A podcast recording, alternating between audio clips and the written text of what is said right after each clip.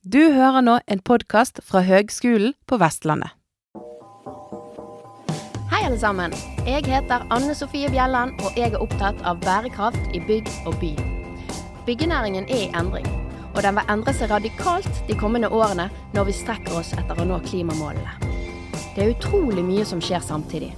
Med denne podkasten ønsker jeg å følge utviklingen på tvers av fag, sånn at vi sammen kommer nærmere bærekraft i bygg og by. Det er rullet ut en fortettingsstrategi i de fleste steder i verden. Hovedårsaken til dette er å skåne og spare naturen som vi ikke allerede har bygget ned. Vi har hatt en fortettingspolitikk i et par tiår nå, og ser hvor skoen trykker i forhold til å gjøre fortetting riktig. En av tingene vi ser, er at naturflekkene i urbane strøk og fortettingsområder blir truet. Mange plasser blir de bygget ned i fortetningens navn. Det er grundig forskning som bekrefter det vi alle kanskje kan kjenne på oss, nemlig at det å oppholde seg i naturen det reduserer stress, øker kreativitet, øker produktivitet, øker restitusjon og reduserer smerteopplevelse. Det er rett og slett bra for oss og bra for folkehelsen. I tillegg er naturen avgjørende for å sikre biodiversitet, altså insekter, fugler osv. Det er jo sørgelig hvis det forsvinner fra byområdene våre. Naturelementer er òg viktig med tanke på å håndtere ekstremvær, som vi ser mer og mer av. Men hvor står vi i forhold til ivaretagelse av natur i fortettingsområdene våre? Jeg har snakket med Rune Skeie, landskapsarkitekt og byøkolog i Asplan Viak. Hei, Rune. Hei. Jeg eh, har gledet meg til å prate med deg. Jeg gleder meg veldig til å prate med deg også. Ja, Så bra. Du, kanskje vi, vi, må begynne med hva er bakgrunnen din og rolle der du er i dag? Oh ja. Nei, den, den, bakgrunnen min det kan jo vekke flere spørsmål enn eh, svar, egentlig. Okay. Altså fordi jeg er sånn delvis oppvokst på brune kafeer på Grünerløkka og, eh, og på Økernsenteret og i Groruddalen eh, og utdanna kokk fra Continental. Yes. Eh, og så tok jeg et lite veivalg, og det var at eh, i 2007 eh, så startet jeg på master i landskapsarkitektur. Eh, og var ferdig utdannet da i 2012. Eh, og hadde da skrevet en master om utvikling av hvalersamfunnet etter opprettelsen av nasjonalparken. Og da hadde jeg lekt meg masse. Jeg hadde lagd liksom eh, landskaps, første landskapsanalysen som var utført under vann, altså ned til 470 meters dyp. Og ja, hatt det veldig gøy. Og så var det sånn Shit, skal jeg få jobb nå? eh, og, så, og, så, søkte jeg to, uh, to jobber. Jeg søkte en på, som jobber med strategisk utvikling i Bymiljøetaten, og så søkte jeg Spaniak. Eh, og så fikk jeg tilslag i Bymiljøetaten, og så jobbet jeg der i to måneder før jeg fikk tilbud fra Splanviak, og så startet jeg der. Ja. Eh, og det er jo snart eh, ti år siden. Og det som skjedde, var jo at eh, jeg jobbet mye med reguleringsplaner, mye med overordnet planer og analyser. Eh, og så savnet jeg egentlig sånn generelt i bransjen eh, et sånt veldig fokus på dette med det naturbaserte og dette landskapet. Så etter hvert så skapte jeg meg egentlig mitt eget fagfelt, som jeg kalte som har bedøft byøkologi, som er et ord som er brukt i andre sammenhenger også. Eh, og nå så er jeg nasjonalt fagansvarlig i Asplan Viak for det som heter byøkologi og bærekraftsystemer. Ja, men Da er vi inne på neste. Altså, Hva er byøkologi? Kan du gi en sånn kort intro for oss litt uinnvidde? Nei, altså, Man kan si at uh, min tolkning da, av bioøkologi det er jo at uh, vi er jo en del av et økosystem. Vi kan ikke distansere oss fra et økosystem. Uh, og dette økosystemet det er jo fullstendig i ferd med å kollapse. Mm. og det er jo i ferd med å kollapse pga. våre negative arealbruksendringer. Mm. så min tilnærming er at dersom vi ser oss selv som en del av eh, økosystemet, så klarer vi også å løse disse store krisene vi står overfor eh, hver gang vi jobber med arealbruksendringer. Mm. Eh, så byøkologi for meg, det, det, er egentlig det at alt henger sammen. Så når jeg går løs på en analyse eller plan eller jobber med et konkret prosjekt, eh, så ser jeg på dette med både tap av naturmangfold, for der har vi hatt et tap uten historisk eh, sidestykke. Vi mm. snakker på en måte om den sjette masseutryddelsen. Det skal vi snu. Så da jobber vi alltid med å bedre naturmangfoldet i forhold til det som var utgangspunktet på denne tomten. Og når det gjelder dette med overforbruk av ressurser og klimagassutslipp, Eh, så jobber vi da veldig aktivt med å jobbe, tenke sirkulært når vi jobber med prosjektet. Eh, et eksempel er at vi jobber med å utvikle sirkulære jordblandinger som lagrer og fanger karbon. Vi mm. jobber med plantesammensetninger som eh, bidrar til karbonfangst, og vi jobber veldig aktivt med ombruk når vi lager de nye byene. Mm. Og når det gjelder dette med konsekvensene våre av klimaendringer, Eh, så jobber vi veldig aktivt med å Altså hvordan kan vi bruke vannet som en ressurs? da? Eh, vi vet at det blir store endringer. Hvordan kan vi tilpasse oss disse endringene på en positiv måte? Eh, som også sikrer byene våre. Og så er det også et tilsvar til det man kan kalle jeg vil si at det har vært en uheldig byutvikling mange steder.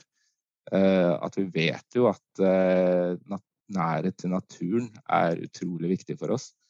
Eh, sånn at vi ser jo på dette også som et formgivningsmateriale som kan bidra til å bedre folkehelsen, skape bedre, renere luft, eh, ja, temperaturregulering, i tillegg til alt dette som har med opplevelser, psykisk helse ja. Mm. Men da er det andre begrepet som du også har brukt litt, da, det er restaureringsøkologi. Og da forstår jeg det sånn at det blir på en måte å prøve å gjenskape eller ta tilbake Eh, en, en, naturtype som kanskje har vært til stede, eller det er spor etter på ja. et område? Ja, det er, det er helt, uh, helt, riktig. Altså det, det, som skiller altså Bioøkologien er på en måte et holistisk system som tar for seg alt. uh, og så kan man tenke seg at restaureringsøkologien går jo f.eks. hvis man har lagt en, en bekk i rør. Uh, så handler det om å gå på historiske fotos, se hvordan den bekken egentlig var. Eh, mm. og så tilbakeføre det som en gang var. Eh, bioøkologien handler egentlig om litt sånn supernatur. Det handler om å booste naturen, gjøre noe som ikke har blitt gjort før. Mm. Eh, så det handler egentlig om å bruke våre enorme avfallsstrømmer som en ressurs. Altså det å lage jord av knust teglstein, kanskje betong, biokull, og optimalisere det i forhold til Eh, karbonfangst. Eh, og i tillegg så velger vi da å kanskje velge natur som kanskje ikke har vært der, men som er truet i regionen. Mm. Eh, på toppen av det hele. Mm. Men da må jeg jo spørre, for du var jo litt innpå det, at det har jo skjedd litt uheldige ting. Og spesielt når man, når man nå eh, jobber først og fremst med fortetting, sant? man har knappe ja. arealer i byutvikling, eh, så blir det så så har du også knapphet på uteområder fordi du skal ha maks utnyttelse til f.eks. bolig. Da. Ja. Eh, så da blir jo uteområdene truet, da, for å si det sånn i gåseøyne. Men, men eh, det, vi, har, vi, har, forsket litt her på, på instituttet, da, eh, både gjennom masteroppgaver og, og ellers, og sett litt på, på, hvordan uteområdene både behandles og, og ender opp i prosjekter. Og, og de blir litt sånn, kan det se ut, da, uten at det er nødvendigvis er noens skyld, så blir de kanskje litt sånn stemoderlig behandlet, fordi at det er veldig fokus på byggverket. Eh, mm. og så kommer dette med utomhus. Ja, det skal være utomhus, og det er et krav til utomhus, men det er veldig få krav i forhold til hvordan dette skal utformes, i hvilken grad naturmangfold skal være der, eh, sånn som vi har sett, da. Eh, så det er litt sånn opp til, eh, til både budsjettet på prosjektet, og eh, hvor eh, ihuga eh, landskapsarkitekt kanskje pusher. Så, så, spørsmålet mitt er egentlig, for det er det vi ser, da, det er jo at altså, man, man, har gjerne gressplen oppå parkeringskjeller, og så har man gjerne plantet noen trær og litt sånn, men altså, er det nok til at dette kan få, få vokse opp til å bli, eller fungere for seg sjøl? Er det nok til å bli et robust økosystem? Eller blir det sånn naturelementer. Altså, blir det noen gang epler på det epletreet, er vel spørsmålet. da må du jo nødvendigvis ha bier og blomster osv. Ja. Nei, det er jo øh, Jeg syns jo det er, det er, mye trist å se, det må jeg si.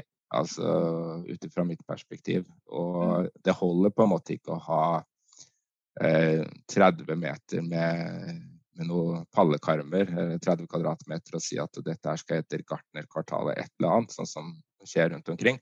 Mm. Eh, sånn at vi, det krever en helt annen tilnærming til byggeprosjektene. En helt annen eh, respekt altså for tverrfagligheten.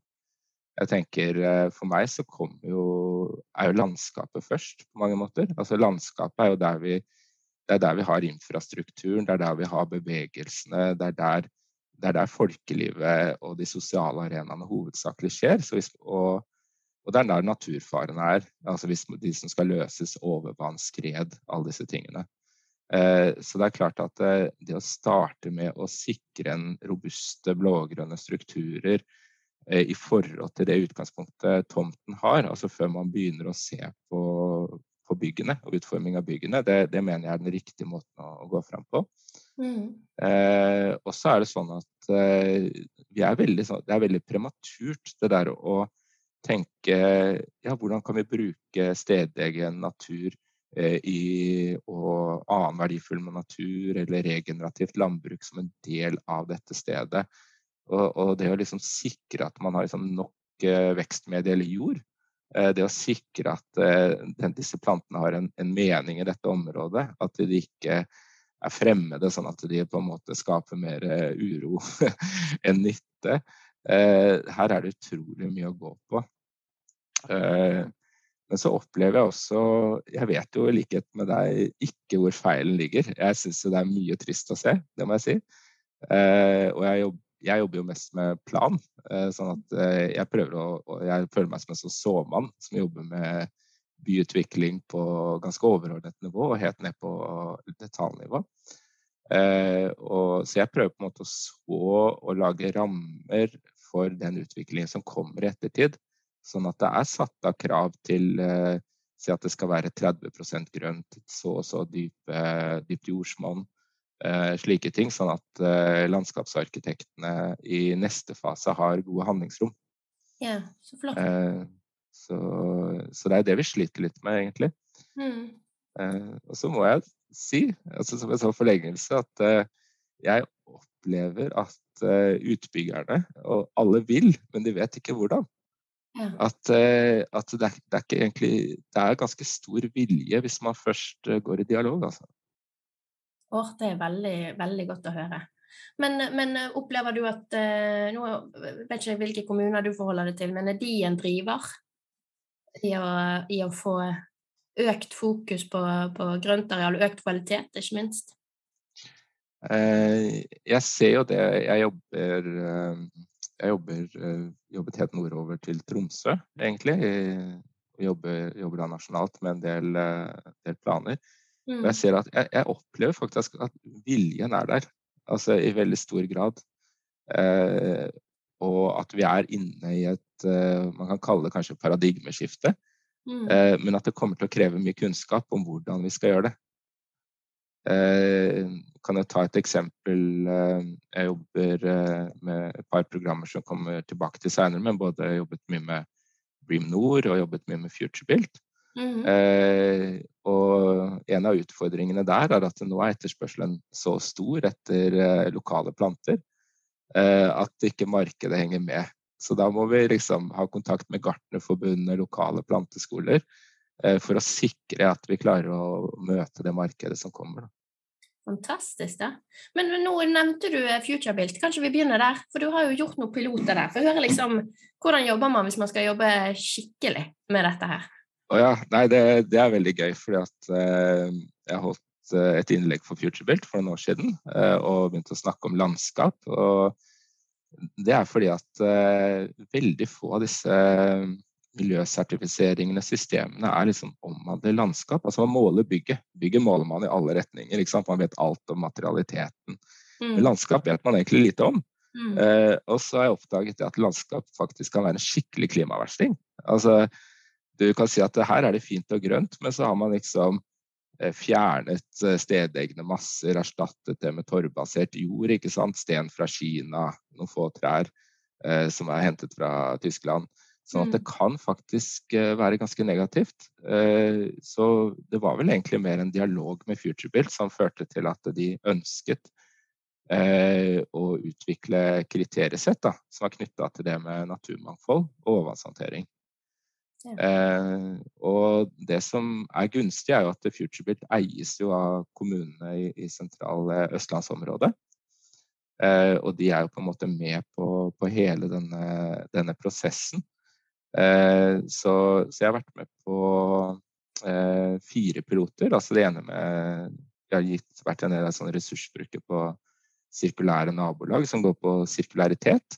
Mm. Eh, og så har vi en pilot nå på landskapet LCA som går på å måle eh, klimagassavtrykket fra opparbeida landskap.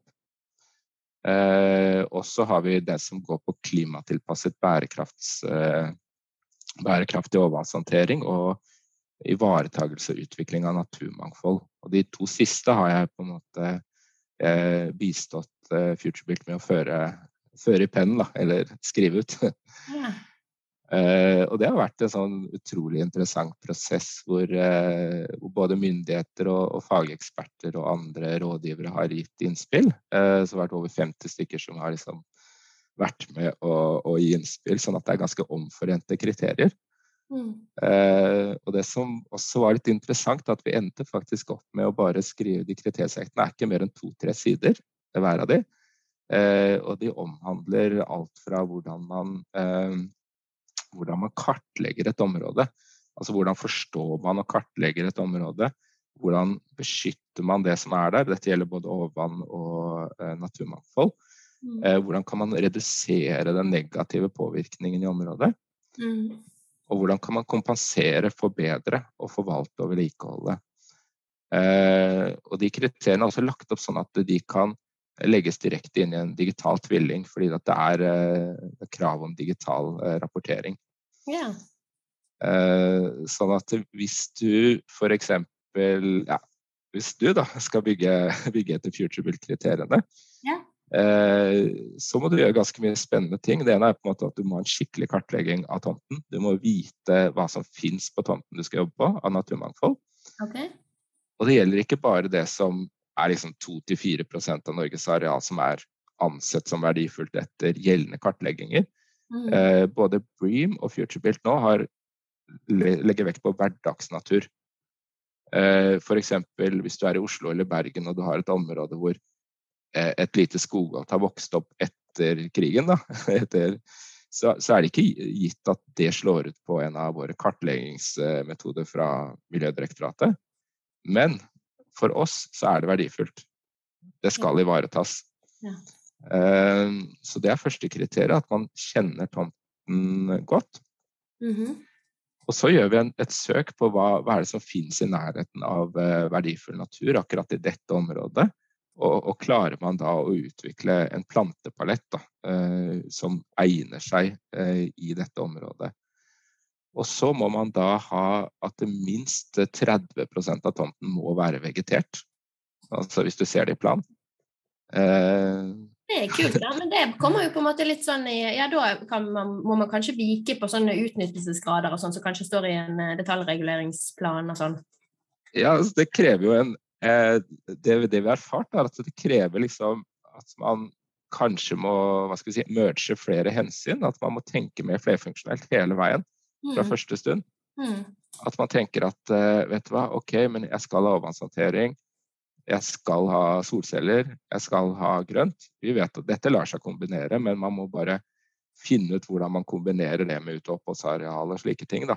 Mm. Eh, og så ønsker man urbant landbruk, ja det lar seg kombinere. Så, så, man må liksom begynne å snu alle disse stedene mm. og tenke på nytt når man skal programmere tomten. Mm. Eh, og så har vi et krav også om at, eh, at man da skal eh, har minst eh, 20 arter per, per tiende kvadratmeter. Og det er fordi at eh, her skal det kunne måles i ettertid at man har brukt eh, norskproduserte planter, for da slipper man innført sykdom. Eh, det, arter, eller det må, gjelder det insekter og alt mulig? Jeg, nei, det er, dette er vegetasjon, så vi skaper på en måte habitatet. da. Ja.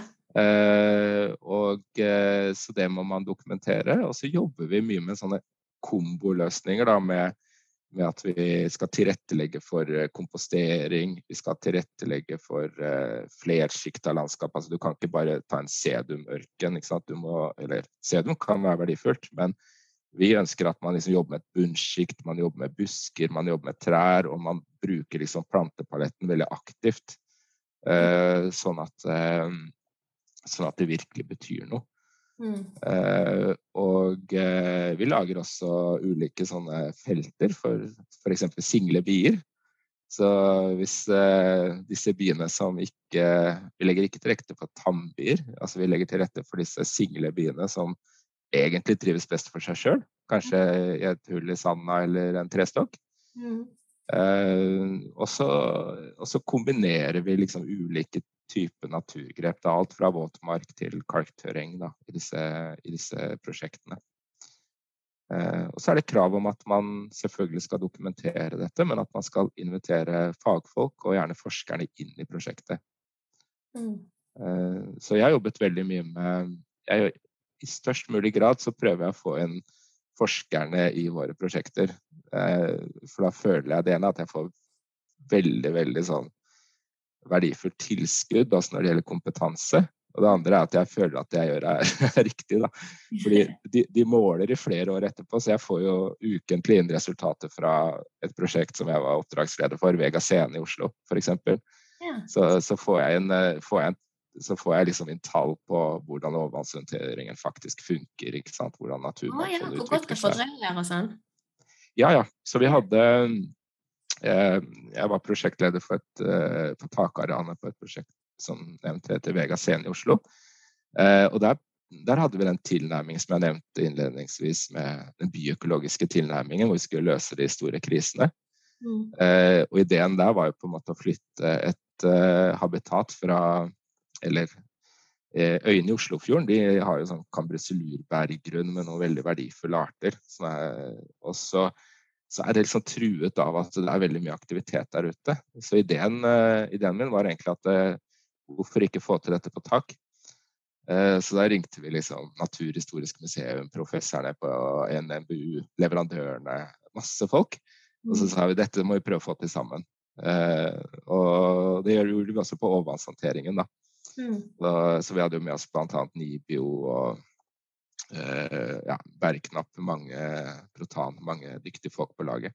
Mm. Og, eh, så han, kollegaen min som, eh, som har doktorgrad i overvannshåndtering, han sa Rune, jeg har testa dette i kjelleren min, dette kommer til å funke som natur, sa han.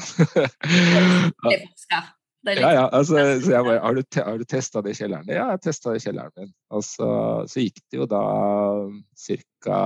to år nå, så fikk vi resultatet. For NVE de måler dette taket i sanntid. Ja. Og det er liksom ti sånne målepunkter. De måler alle, alle slukene, altså, og de filmer alle hendelsene. Eh, og så fikk vi sånne der grafer, da. Og så viser det seg at jo, det funker akkurat som natur, altså innenfor en hendelse, ett til åtte års hendelse, da. Regnehendelse. Ja. Men kan, kan, du si bare kort hvordan eh, konstruksjonen var? Altså Hvor mye eh, jordmasser, og var det noe spesielt med de massene? og Var det vegetasjonen som gjorde at det funket, eller hva var løsningen, liksom? Ja, det som, var, det som var, løsningen, det var Det ene er jo på en måte at dette taket var, var ikke prosjektert for grønt tak. Bygget, bygget, hadde veldig begrenset tåleevne. Vi snakker om en 200-300 kilo eh, tåleevne ca. Altså, så det er ganske lite. Eh, så nummer ett for å få det til, var at vi trengte en helt spesiell jordblanding som var ekstra lett. Ja. Eh, så da utfordret eh, Og den var det ingen som egentlig ville sponse, for jeg sa at vi må ha en jordblanding, og den jordblandingen må være veldig lett. Og jeg vil ha en høy andel anbruksmaterialer. Eh, så var det ingen som ville betale den. da. Så, men så snakket jeg med Bergknapp, som, som, produserer grønne tak. Så sa jeg dette koster 200 000, vi trenger det. Vi, vi, driver ikke med salg, men hvis dere har interesse av dette, kan dere utvikle denne jordblandingen. Eh, og de satt forskerne på saken et halvt år, kjørte prosjekter og utviklet jordblandingen. Ja. Eh, og det som er, er at eh, disse forskerne de de kuttet egentlig alt plast, alle ting som er på tradisjonelle tak. De fant ut at ved å jobbe med ulike fraksjoner av jord, grove fraksjoner i bånn, litt mellomfraksjon, og så fint på toppen, mm. så mente de at de kunne skape et stabilt tak både for overvannshåndtering og naturmangfold. Og dette var de beste forskerne vi har på det området, så jeg stolte på de. Eh, så da bygde vi det. og så, så, har det nå gått eh, to år, og vi har ikke vanna én gang. Altså Vegetasjonen den forandrer seg. Den er utrolig rik blomstring der oppe. Masse, masse eh, pollinerende insekter. Og, men det vannes ikke. Det fungerer akkurat som en bergknaus ute i Oslofjorden. Fantastisk, da. Men hvor, hvor tjukt er det, da? Eh, det er mellom 20 og noen og 30 cm. Ja. Fantastisk gøy at det virker. For jeg tror det finnes en del sånne forsøk på overvannshåndtering som ikke fungerer helt sånn som de skal. Og hvis man i tillegg må vanne de på sommeren, så er jo det en utfordring. Ja, og det er jo, det er jo et av kravene i både FutureBuilt og Bream at vi, vi, skal jo ikke, vi skal ikke lage anlegg som er veldig kjøpselskrevende. Mm. Eh, så vi jobber på en måte etter det, vi, det som blir sånn type regenerative prinsipper. Da. Det innebærer egentlig at man man lager plantesamfunn som i størst mulig grad klarer seg selv, og man kobler det på overvannshåndteringen. Mm. Eh, sånn at man liksom bruker liksom terrengformingen i lavbrekk og slike ting altså for å f.eks. programmerer eh, nye, nye, bydeler nå. og da, da, er det egentlig bare et fall. Altså Man har jo grønne tak selvfølgelig og opphold og slike ting. Og så har man fall ut fra bygget, og så leder man vannet ned i sentrale grønnstrukturer. da. Yeah. Eh, sånn at man eh, og, og så lager man plantesamfunn som, eh, som er det jeg kaller flersiktede, da, med bunnvegetasjon, busker og trær. Eh, og det er både fordi de gir veldig mye naturmangfold, og fordi det er det som viser seg å kreve minst vedlikehold, i og med at det er liksom et heftig jorddekke. Og så er det det som fanger mest karbon. Mm. Så... Altså, det er så bra, for det, altså jeg bare tenker det, det, det, har vært for lite fokus på og underkommunisert hvordan uteområdene, altså resten når vi har bygget byggene, hvordan det kan være driveren i bærekraftig byutvikling. Sant? Og ivareta både eh, dette her eh, samfunnssikkerhet, eller det, som overvannshåndteringer, som jo blir kjempeviktig, eh, ivaretakelse av naturmangfold, eh, men også dette her som går på eh, altså det sosiale. At det skal være attraktive steder å være og gi menneskene både møteplass, men også det naturen gir. Det, jo, det er jo bevist ved forskning det at det gir oss så mye nødvendig. Altså, hvor, hvor, større nærhet til natur, hvor bedre folkehelse, viser jo nesten alle, alle, alle empiri. Mm. Eh, og så er det liksom interessant, fordi at eh, jeg ble i forbindelse For tre-fire år siden så gjorde jeg en sånn kartlegging for myndighetene. og Det gjaldt liksom hva fins av eh, bærekraftsmål, parametere i forhold til landskap. ikke sant? Og da så jeg på studier fra USA, Canada, ulike land. Mm. Men i forhold til Det var så lite krav. Og, så det har jo vært sånn i dag at uh, du kan jo i prinsipp frakte bort 70 000 kubikk med masser. Bygge et bygg med, som, er, uh, som egentlig når helt til topps på alle miljømålene. Men mm. prosjektet som helhet vil jo aldri være bærekraftig hvis man ikke har gjort, eh, tatt med seg landskapet. Mm. Eh, så, så, jeg tenker det, det, er så Det har liksom vært litt av min eh, det, liksom det jeg har tenkt å bruke resten av min eh, karriere på, da, er jo å jobbe med å liksom se hvordan kan man bygge disse økosystemene, hvordan kan man koble folk på dette landskapet. Fordi mm. det vi jobber med da, i disse prosjektene, det er at vi jeg ser for meg at de landskapene også blir en sånn type botanisk hage. Altså du kan tenke i Vi jobber nå med programmering av en ny en sånn konkurranse nede i, Stavanger. Uh, og da, der er det sånn at så tenker jeg fort at OK, hva er det som fantes her en gang, gitt geologi og sånne ting? Hva er det som har blitt tatt vekk fra denne regionen? Jo, her er det rik edelløvskog. Mm. Uh, og så snakker jeg med forskerne våre, og så sier jeg OK, eh, dette er superspennende, hva tror du? Jeg foreslår det og det. Så sier han ja, kanskje det, Rune, men jeg vil også sånn og sånn. Så sier jeg ja, men jeg vil ha en høy andel spiselige vekster så jeg inn i den nederløvskogen, men som er naturlige. For jeg vil liksom koble det på det nordiske kjøkken. Klarer vi det? Mm. Eh, og da får du på en måte en, noen arenaer eh, for folkeliv hvor du både kan eh, oppleve det som en gang var der, det som er på vei til å faktisk bli borte i byutviklingen eller fra regionen eh, som en sånn kunnskapsarena. Eh, og så kan du høste mat der. Og så kombinerer vi egentlig det med selvfølgelig overvannshåndtering og økosystemtjenestene. Men vi jobber også aktivt med det vi kaller for eh, eh, regenerative matskoger. Og der samarbeider vi bl.a. med eh, professor Dag Jørund Lønning, som har skrevet jordboka. Eller jordbøkene og kompostboka. Mm. Eh, og hvor vi da ser på hvordan kan vi skape matskoger, sånn at du kan eh, høste liksom eh, ulike epler, pærer, plommer i ulike høyder, busker, jordbær som, jord, eh, som bunndekkere.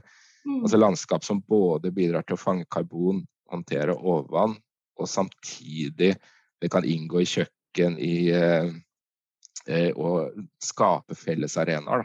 Mm. Fantastisk. Da har du ivaretatt egentlig alle aspekt, for da har du på en måte også den sosiale Eh, eh, faktoren med. Sant? For det blir attraktivt å komme dit, og man kan møte naboen sin osv. Ja, ja så, så, ønsker vi på en måte å eh, Jeg har jobbet med noen sånne prosjekter før hvor vi liksom har gitt ut 500 frø til eh, ulike barneskoler og barnehager. Og så har de liksom plantet en rundkjøring, sånne stuntprosjekter, sånn uh, geriljaplanting, som de kaller det. Eh, men jeg, jeg, tenker at eh, Og det er også en utfordring som, som, eh, som vi, vi, tar nå, er jo på en måte at eh, jeg ønsker at, at nærmiljø, barneskole, barnehager eh, at, det, at, man ikke tegner alt helt ut. Man kan tegne rammene, men at de er med på prosessen. Altså er med på oppformering. Man kan starte mange år før tomten skal bebygges med å dyrke planter. Mm. Eh, man, man, og, og, det å liksom skape tilknytning jeg, jeg, De bør være med å plante, de bør være med å høste. Og det bør være en del av uh, nærmiljøet når man bygger by. Mm. Men jeg, jeg, har litt spørsmål. For det, altså, man, dette her med naturtyper, sant? der er det definert ulike typer. og Noen kaller man for, jeg tror man kaller de for seminaturtyper. Dvs. Si naturtyper som er til fordi vi fins, vi mennesker. Mm. Så da har du sånn slåttemark, og så har du altså, Her på Vestlandet, da, for eksempel, jeg sitter jo i Bergen, så, ja, så, snakkes det sånn å, vi må ivareta naturlandskap. Nei, unnskyld, kulturlandskapet. Sant? Og ja, og beitedyr. Vi må ha beitedyr som vil ivaretar eh, kulturlandskapet. Eh, og da tenker jeg litt sånn For at, eh, så kan du snakke om på en måte eh, konsekvensen av at folk har hatt hagebusker som har spredd seg. Sant? Så får du pøbelplanter rundt omkring. Ja, ja, ja, og så bare Nei, vi må bli kvitt pøbelplantene. Eh, men, men, bare, det virker som vi har definert at noe av det vi gjorde for lenge siden, som f.eks. å holde husdyr, eh, mm. sånn at vi har fått et kulturlandskap og slåttemark og sånn, det er jo bare natur vi har underlagt oss, hvis du skjønner. sant? Ja. De vil vi ta vare på. Mens, mens eh, pøbelplantene, da, altså nyere ting som vi har, vi har eh, fått ut, som er altså røde, eh, De heter vel røde, svartlistede arter. Ja, ja, ja, har, de, har vi på en måte, de vil vi ikke ha. Så er mm. akkurat så det går et skille mellom at uh, i gamle dager, når vi hadde beitedyr og sånn, da påvirket vi naturen, men det var greit. Mens, mens, eh, sånn som vi har påvirket naturen nå, det er ikke greit. Skjønner du hva jeg mener? Ja, jeg, kan, jeg, kan, jo ta sånn eh, Jeg kan jo ta det sånn, eh, litt sånn kort. Det som er interessant, og det er at eh, jeg, jeg, liksom, jeg, skrev noe sånn På slutten av studiet så skrev jeg noen oppgaver som gikk liksom kultur, natur, landskap, Trillemarka. ikke sant, Kjempekonflikt der oppe. det som er interessant, er at vi, vi hadde jo en sånn type hund Vi har jo drevet med med utmarksbeit og landbruk i noen tusen år. Mm. Eh, og på slutten av forrige århundre så var det sånn type eller Nå snakker jeg om slutten av 1800-tallet. Da var det sånn type 100 150 000 setere, tror jeg, i Norge med drift. Mm. Eh, nå er det jeg, vet, jeg, husker ikke siste tallene, det er noen få tusen. Eh, og utfordringen er at den kulturmarken, den som folk har den som er en konsekvens av at eh, hester og sauer og kyr har beita sammen. Det har skapt et helt unikt naturmangfold.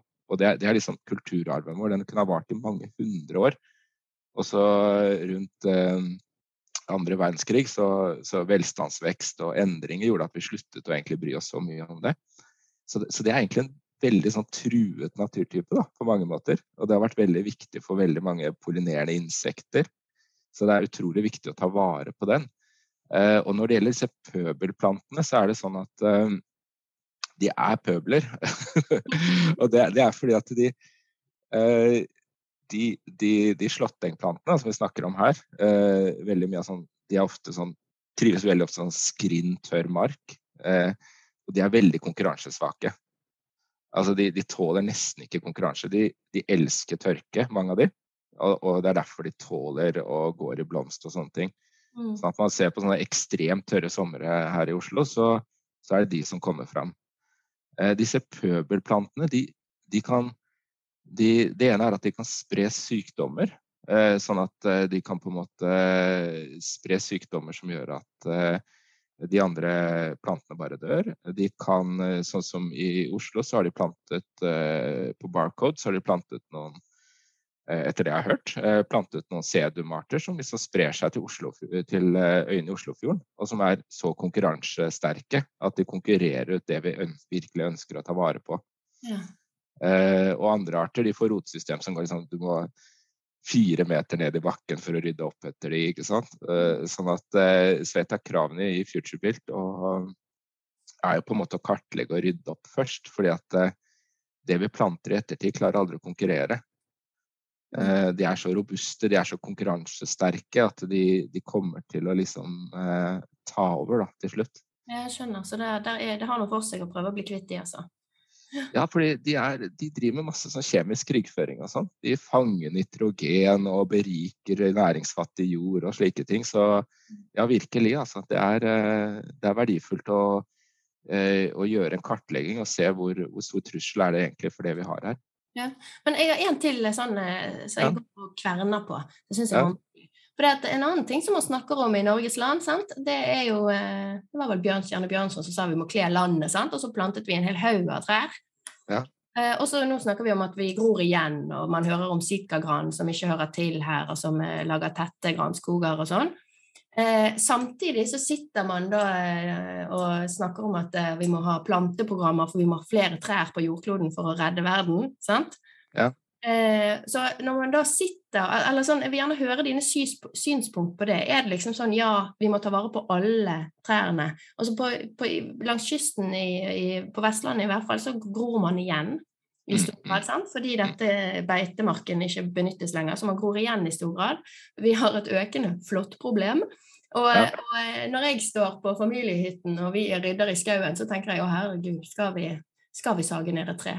Kan jeg sage ned et tre? Sant? Når vi har på en måte, vi skal lage planteprogrammer for å redde verden og, og greier og greier, kan jeg da sage ned et tre?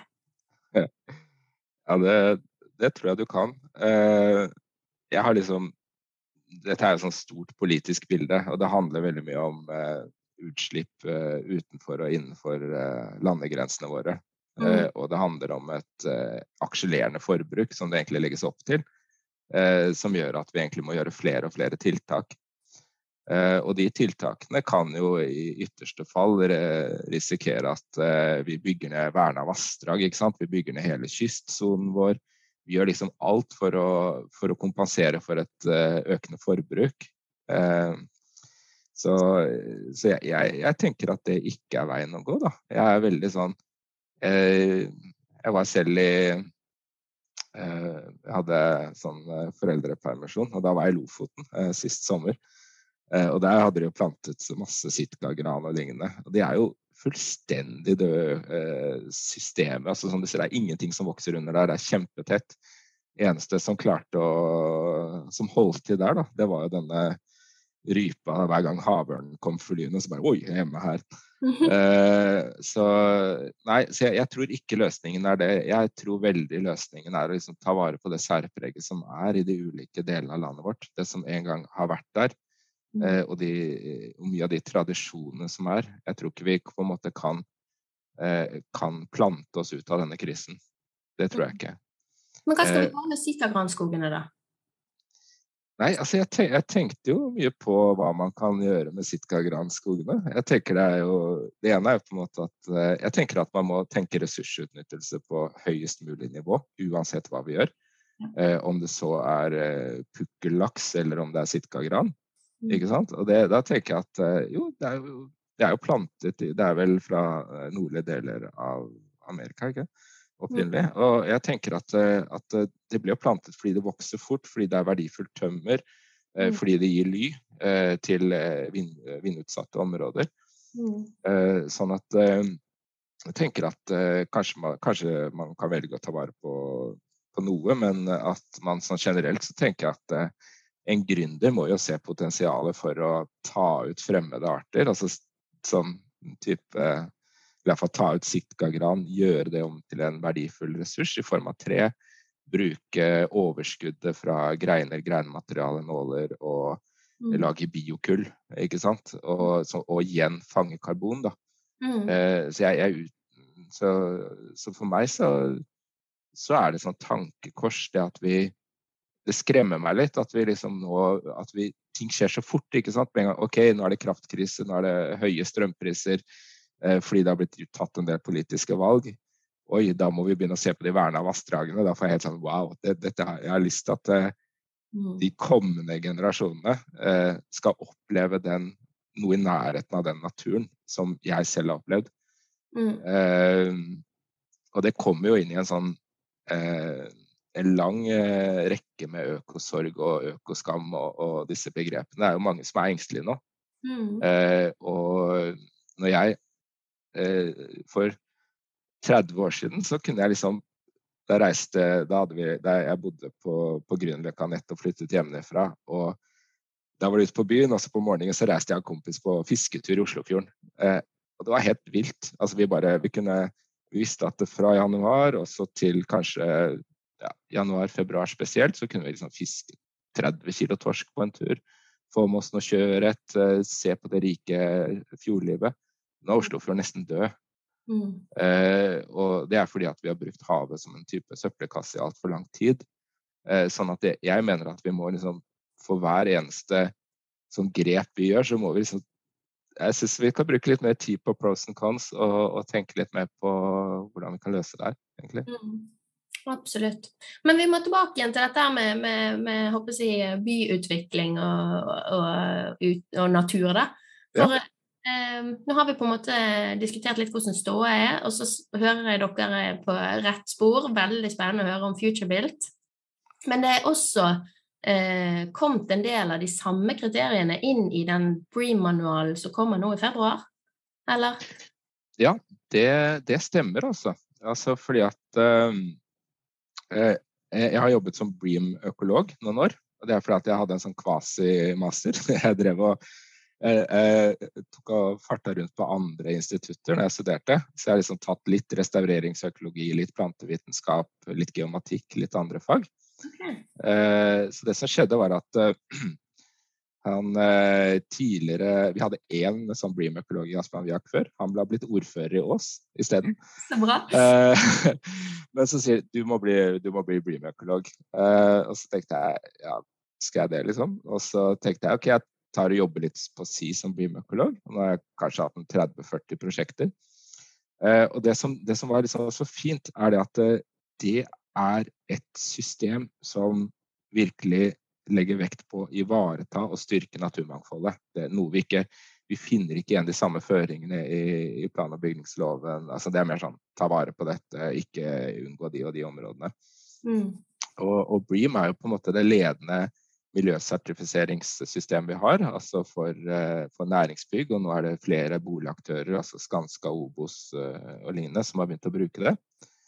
Eh, og av de ni kategoriene som Bream omhandler, så er økologi ett av de. og det er historisk, så altså fram til nå så har det gitt ca. 10% av tilgjengelige poeng i, i systemet. Mm. Og da, da har det blitt veldig verdifullt, fordi at hvis du og det er 10% dersom du skal ha høyeste måloppnåelse. Men hvis du skal ha very good og sånne ting, så, så utgjør eh, økologipoengene veldig, veldig mye. Mm. Eh, og, og det, det, er mye av det samme som jeg nevnte tidligere når det gjelder FutureBuilt. Eh, altså av det, mye av de samme kriteriene, men ikke så skrudd til. For FutureBuilt skal jo liksom vise vei for, for bransjen og være veldig, veldig fremoverlent. Eh, men der har det også skjedd betydelige endringer. Og det jeg har hørt nå, er at man eh, Eller jeg har vært med noe på utvikling av nye manualen, som slippes nå i, februar. Og da kommer eh, økologi til å få en mye, enda større plass. Og økosystemtjenester til å få en enda større plass. Ja. Og FutureBuilt-kriteriene som jeg nevnte innledningsvis, de, de blir da innovasjonspoeng. Altså du får innovasjonspoeng hvis du oppfyller de. Sånn at, og det gjelder nasjonalt. Mm. Så hvis, eh, hvis, du velger å Bream-sertifisere i Bergen, eh, selv om det ikke er en del av FutureBuilt, så følger du kriteriene til FutureBuilt, så, så får du innovasjonspoeng. Flott, flott. Eh, og så er det jo sånn, eh, og det, det, som var interessant for min del, at jeg tror verken eh, Det er en del av de prosjektene som jeg har jobbet med, sånn Vega Scene, nytt regjeringskvartal og, og, en del andre av de prosjektene, de, de, miljøkravene de har virkelig vært med på å legge rammer og gjøre det mulig å gjøre disse, disse grepene. Mm. Det er jo fantastisk. Men da, da ser jeg, du, du, nevnte det tidligere, at du tror vi står overfor et paradigmeskifte. Så da må jeg jo bare spørre altså, hvordan jobber vi med dette her? Natur i byutvikling og områdeutvikling. Hvordan jobber vi med det om ti år? Om, eh, jeg håper at det går fortere enn ti år. Altså fordi at eh, Bream-manualen kom jo for er det ti år siden, da, den første. Mm. Eh, og jeg opplever at det, det, er et veldig moment nå. Jeg har aldri hatt så mye å gjøre. Aldri opplevd at, eh, at det skjer så mye på en gang, og, og så mange vil så mye. Uh, så så jeg håper at, eh, at folk er veldig, sånn, veldig, gode på å dele kunnskapen sin mm. hele tiden. Hvor er vi i løypa? Har vi klart å lage klimapositive landskap? Hva var grepet for at vi faktisk klarte dette? Eh, ofte så, eh, jeg får veldig ofte henvendelser fra det som man kan kalle konkurrenter, eh, men som også jeg ser på som samarbeidspartnere, altså andre firmaer, som sier Rune, hva med den plantepaletten på Vega Scene? Hvordan bygde dere opp taket? Og vi deler. Altså vi sender over snitt, vi sender over tegninger, vi sender over plantelister. Eh, og så tester vi nye løsninger. Altså sånn eh, På nytt i regjeringskvartalene så prøver vi å liksom teste doble plantelistene fra et annet fra Vegasene. Teste nye arter, og så deler vi erfaringene våre.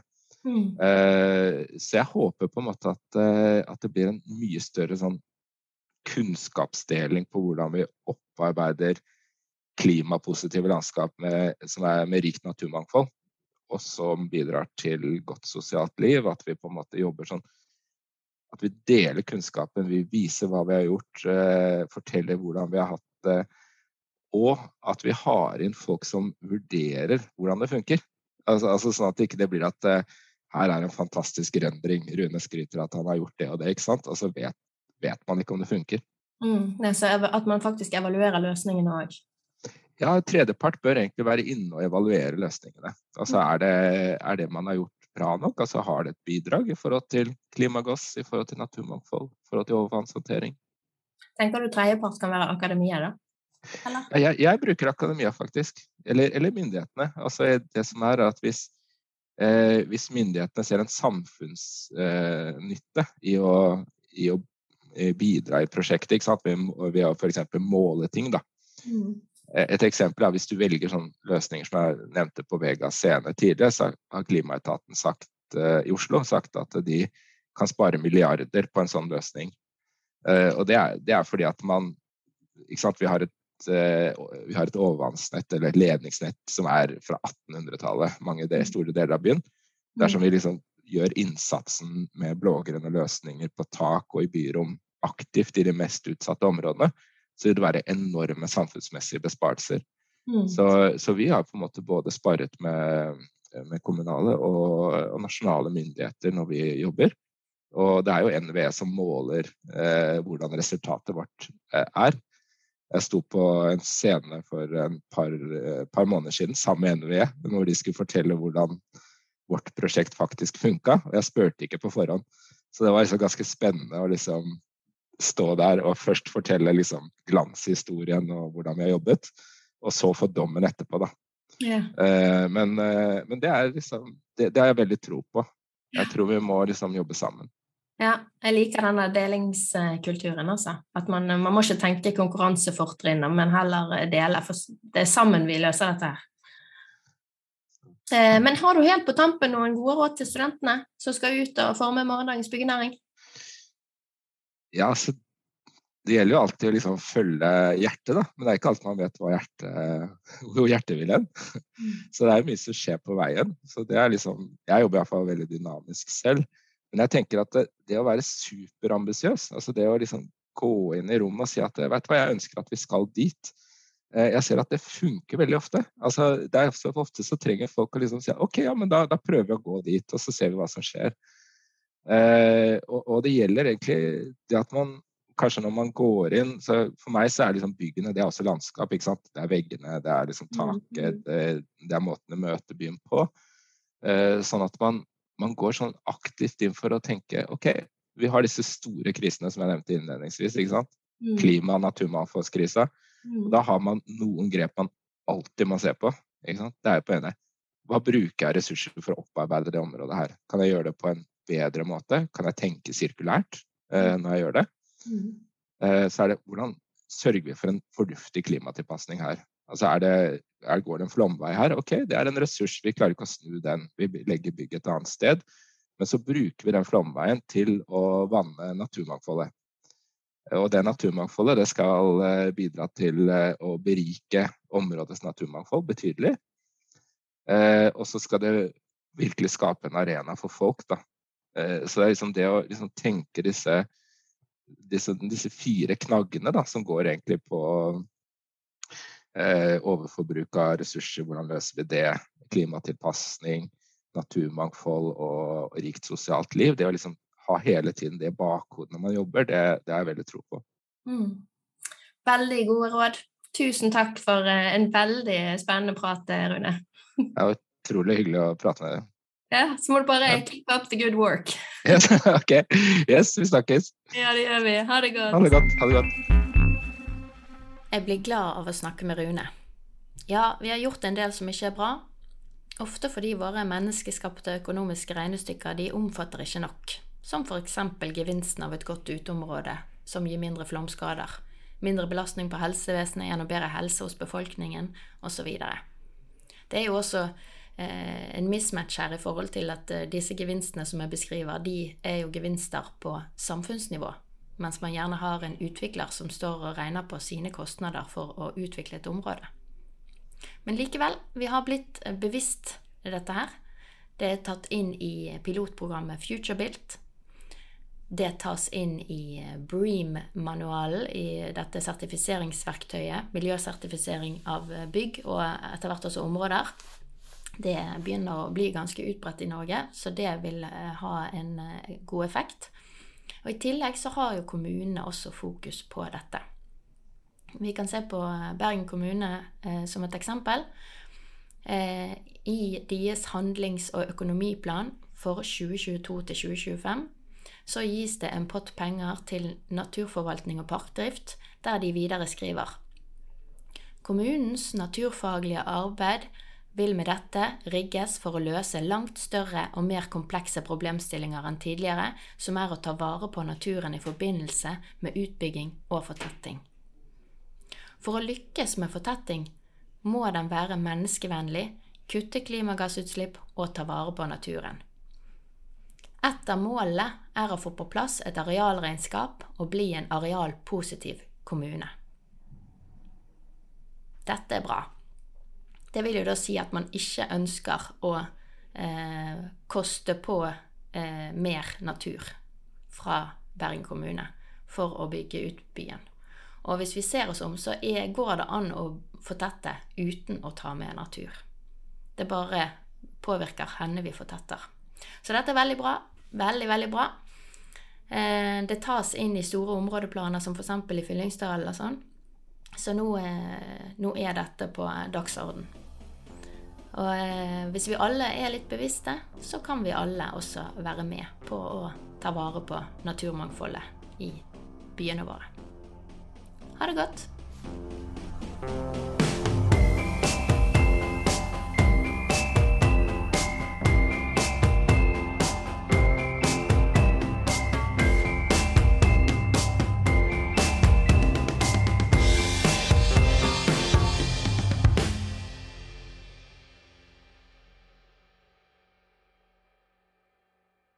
Du har nå hørt en podkast fra Høgskolen på Vestlandet.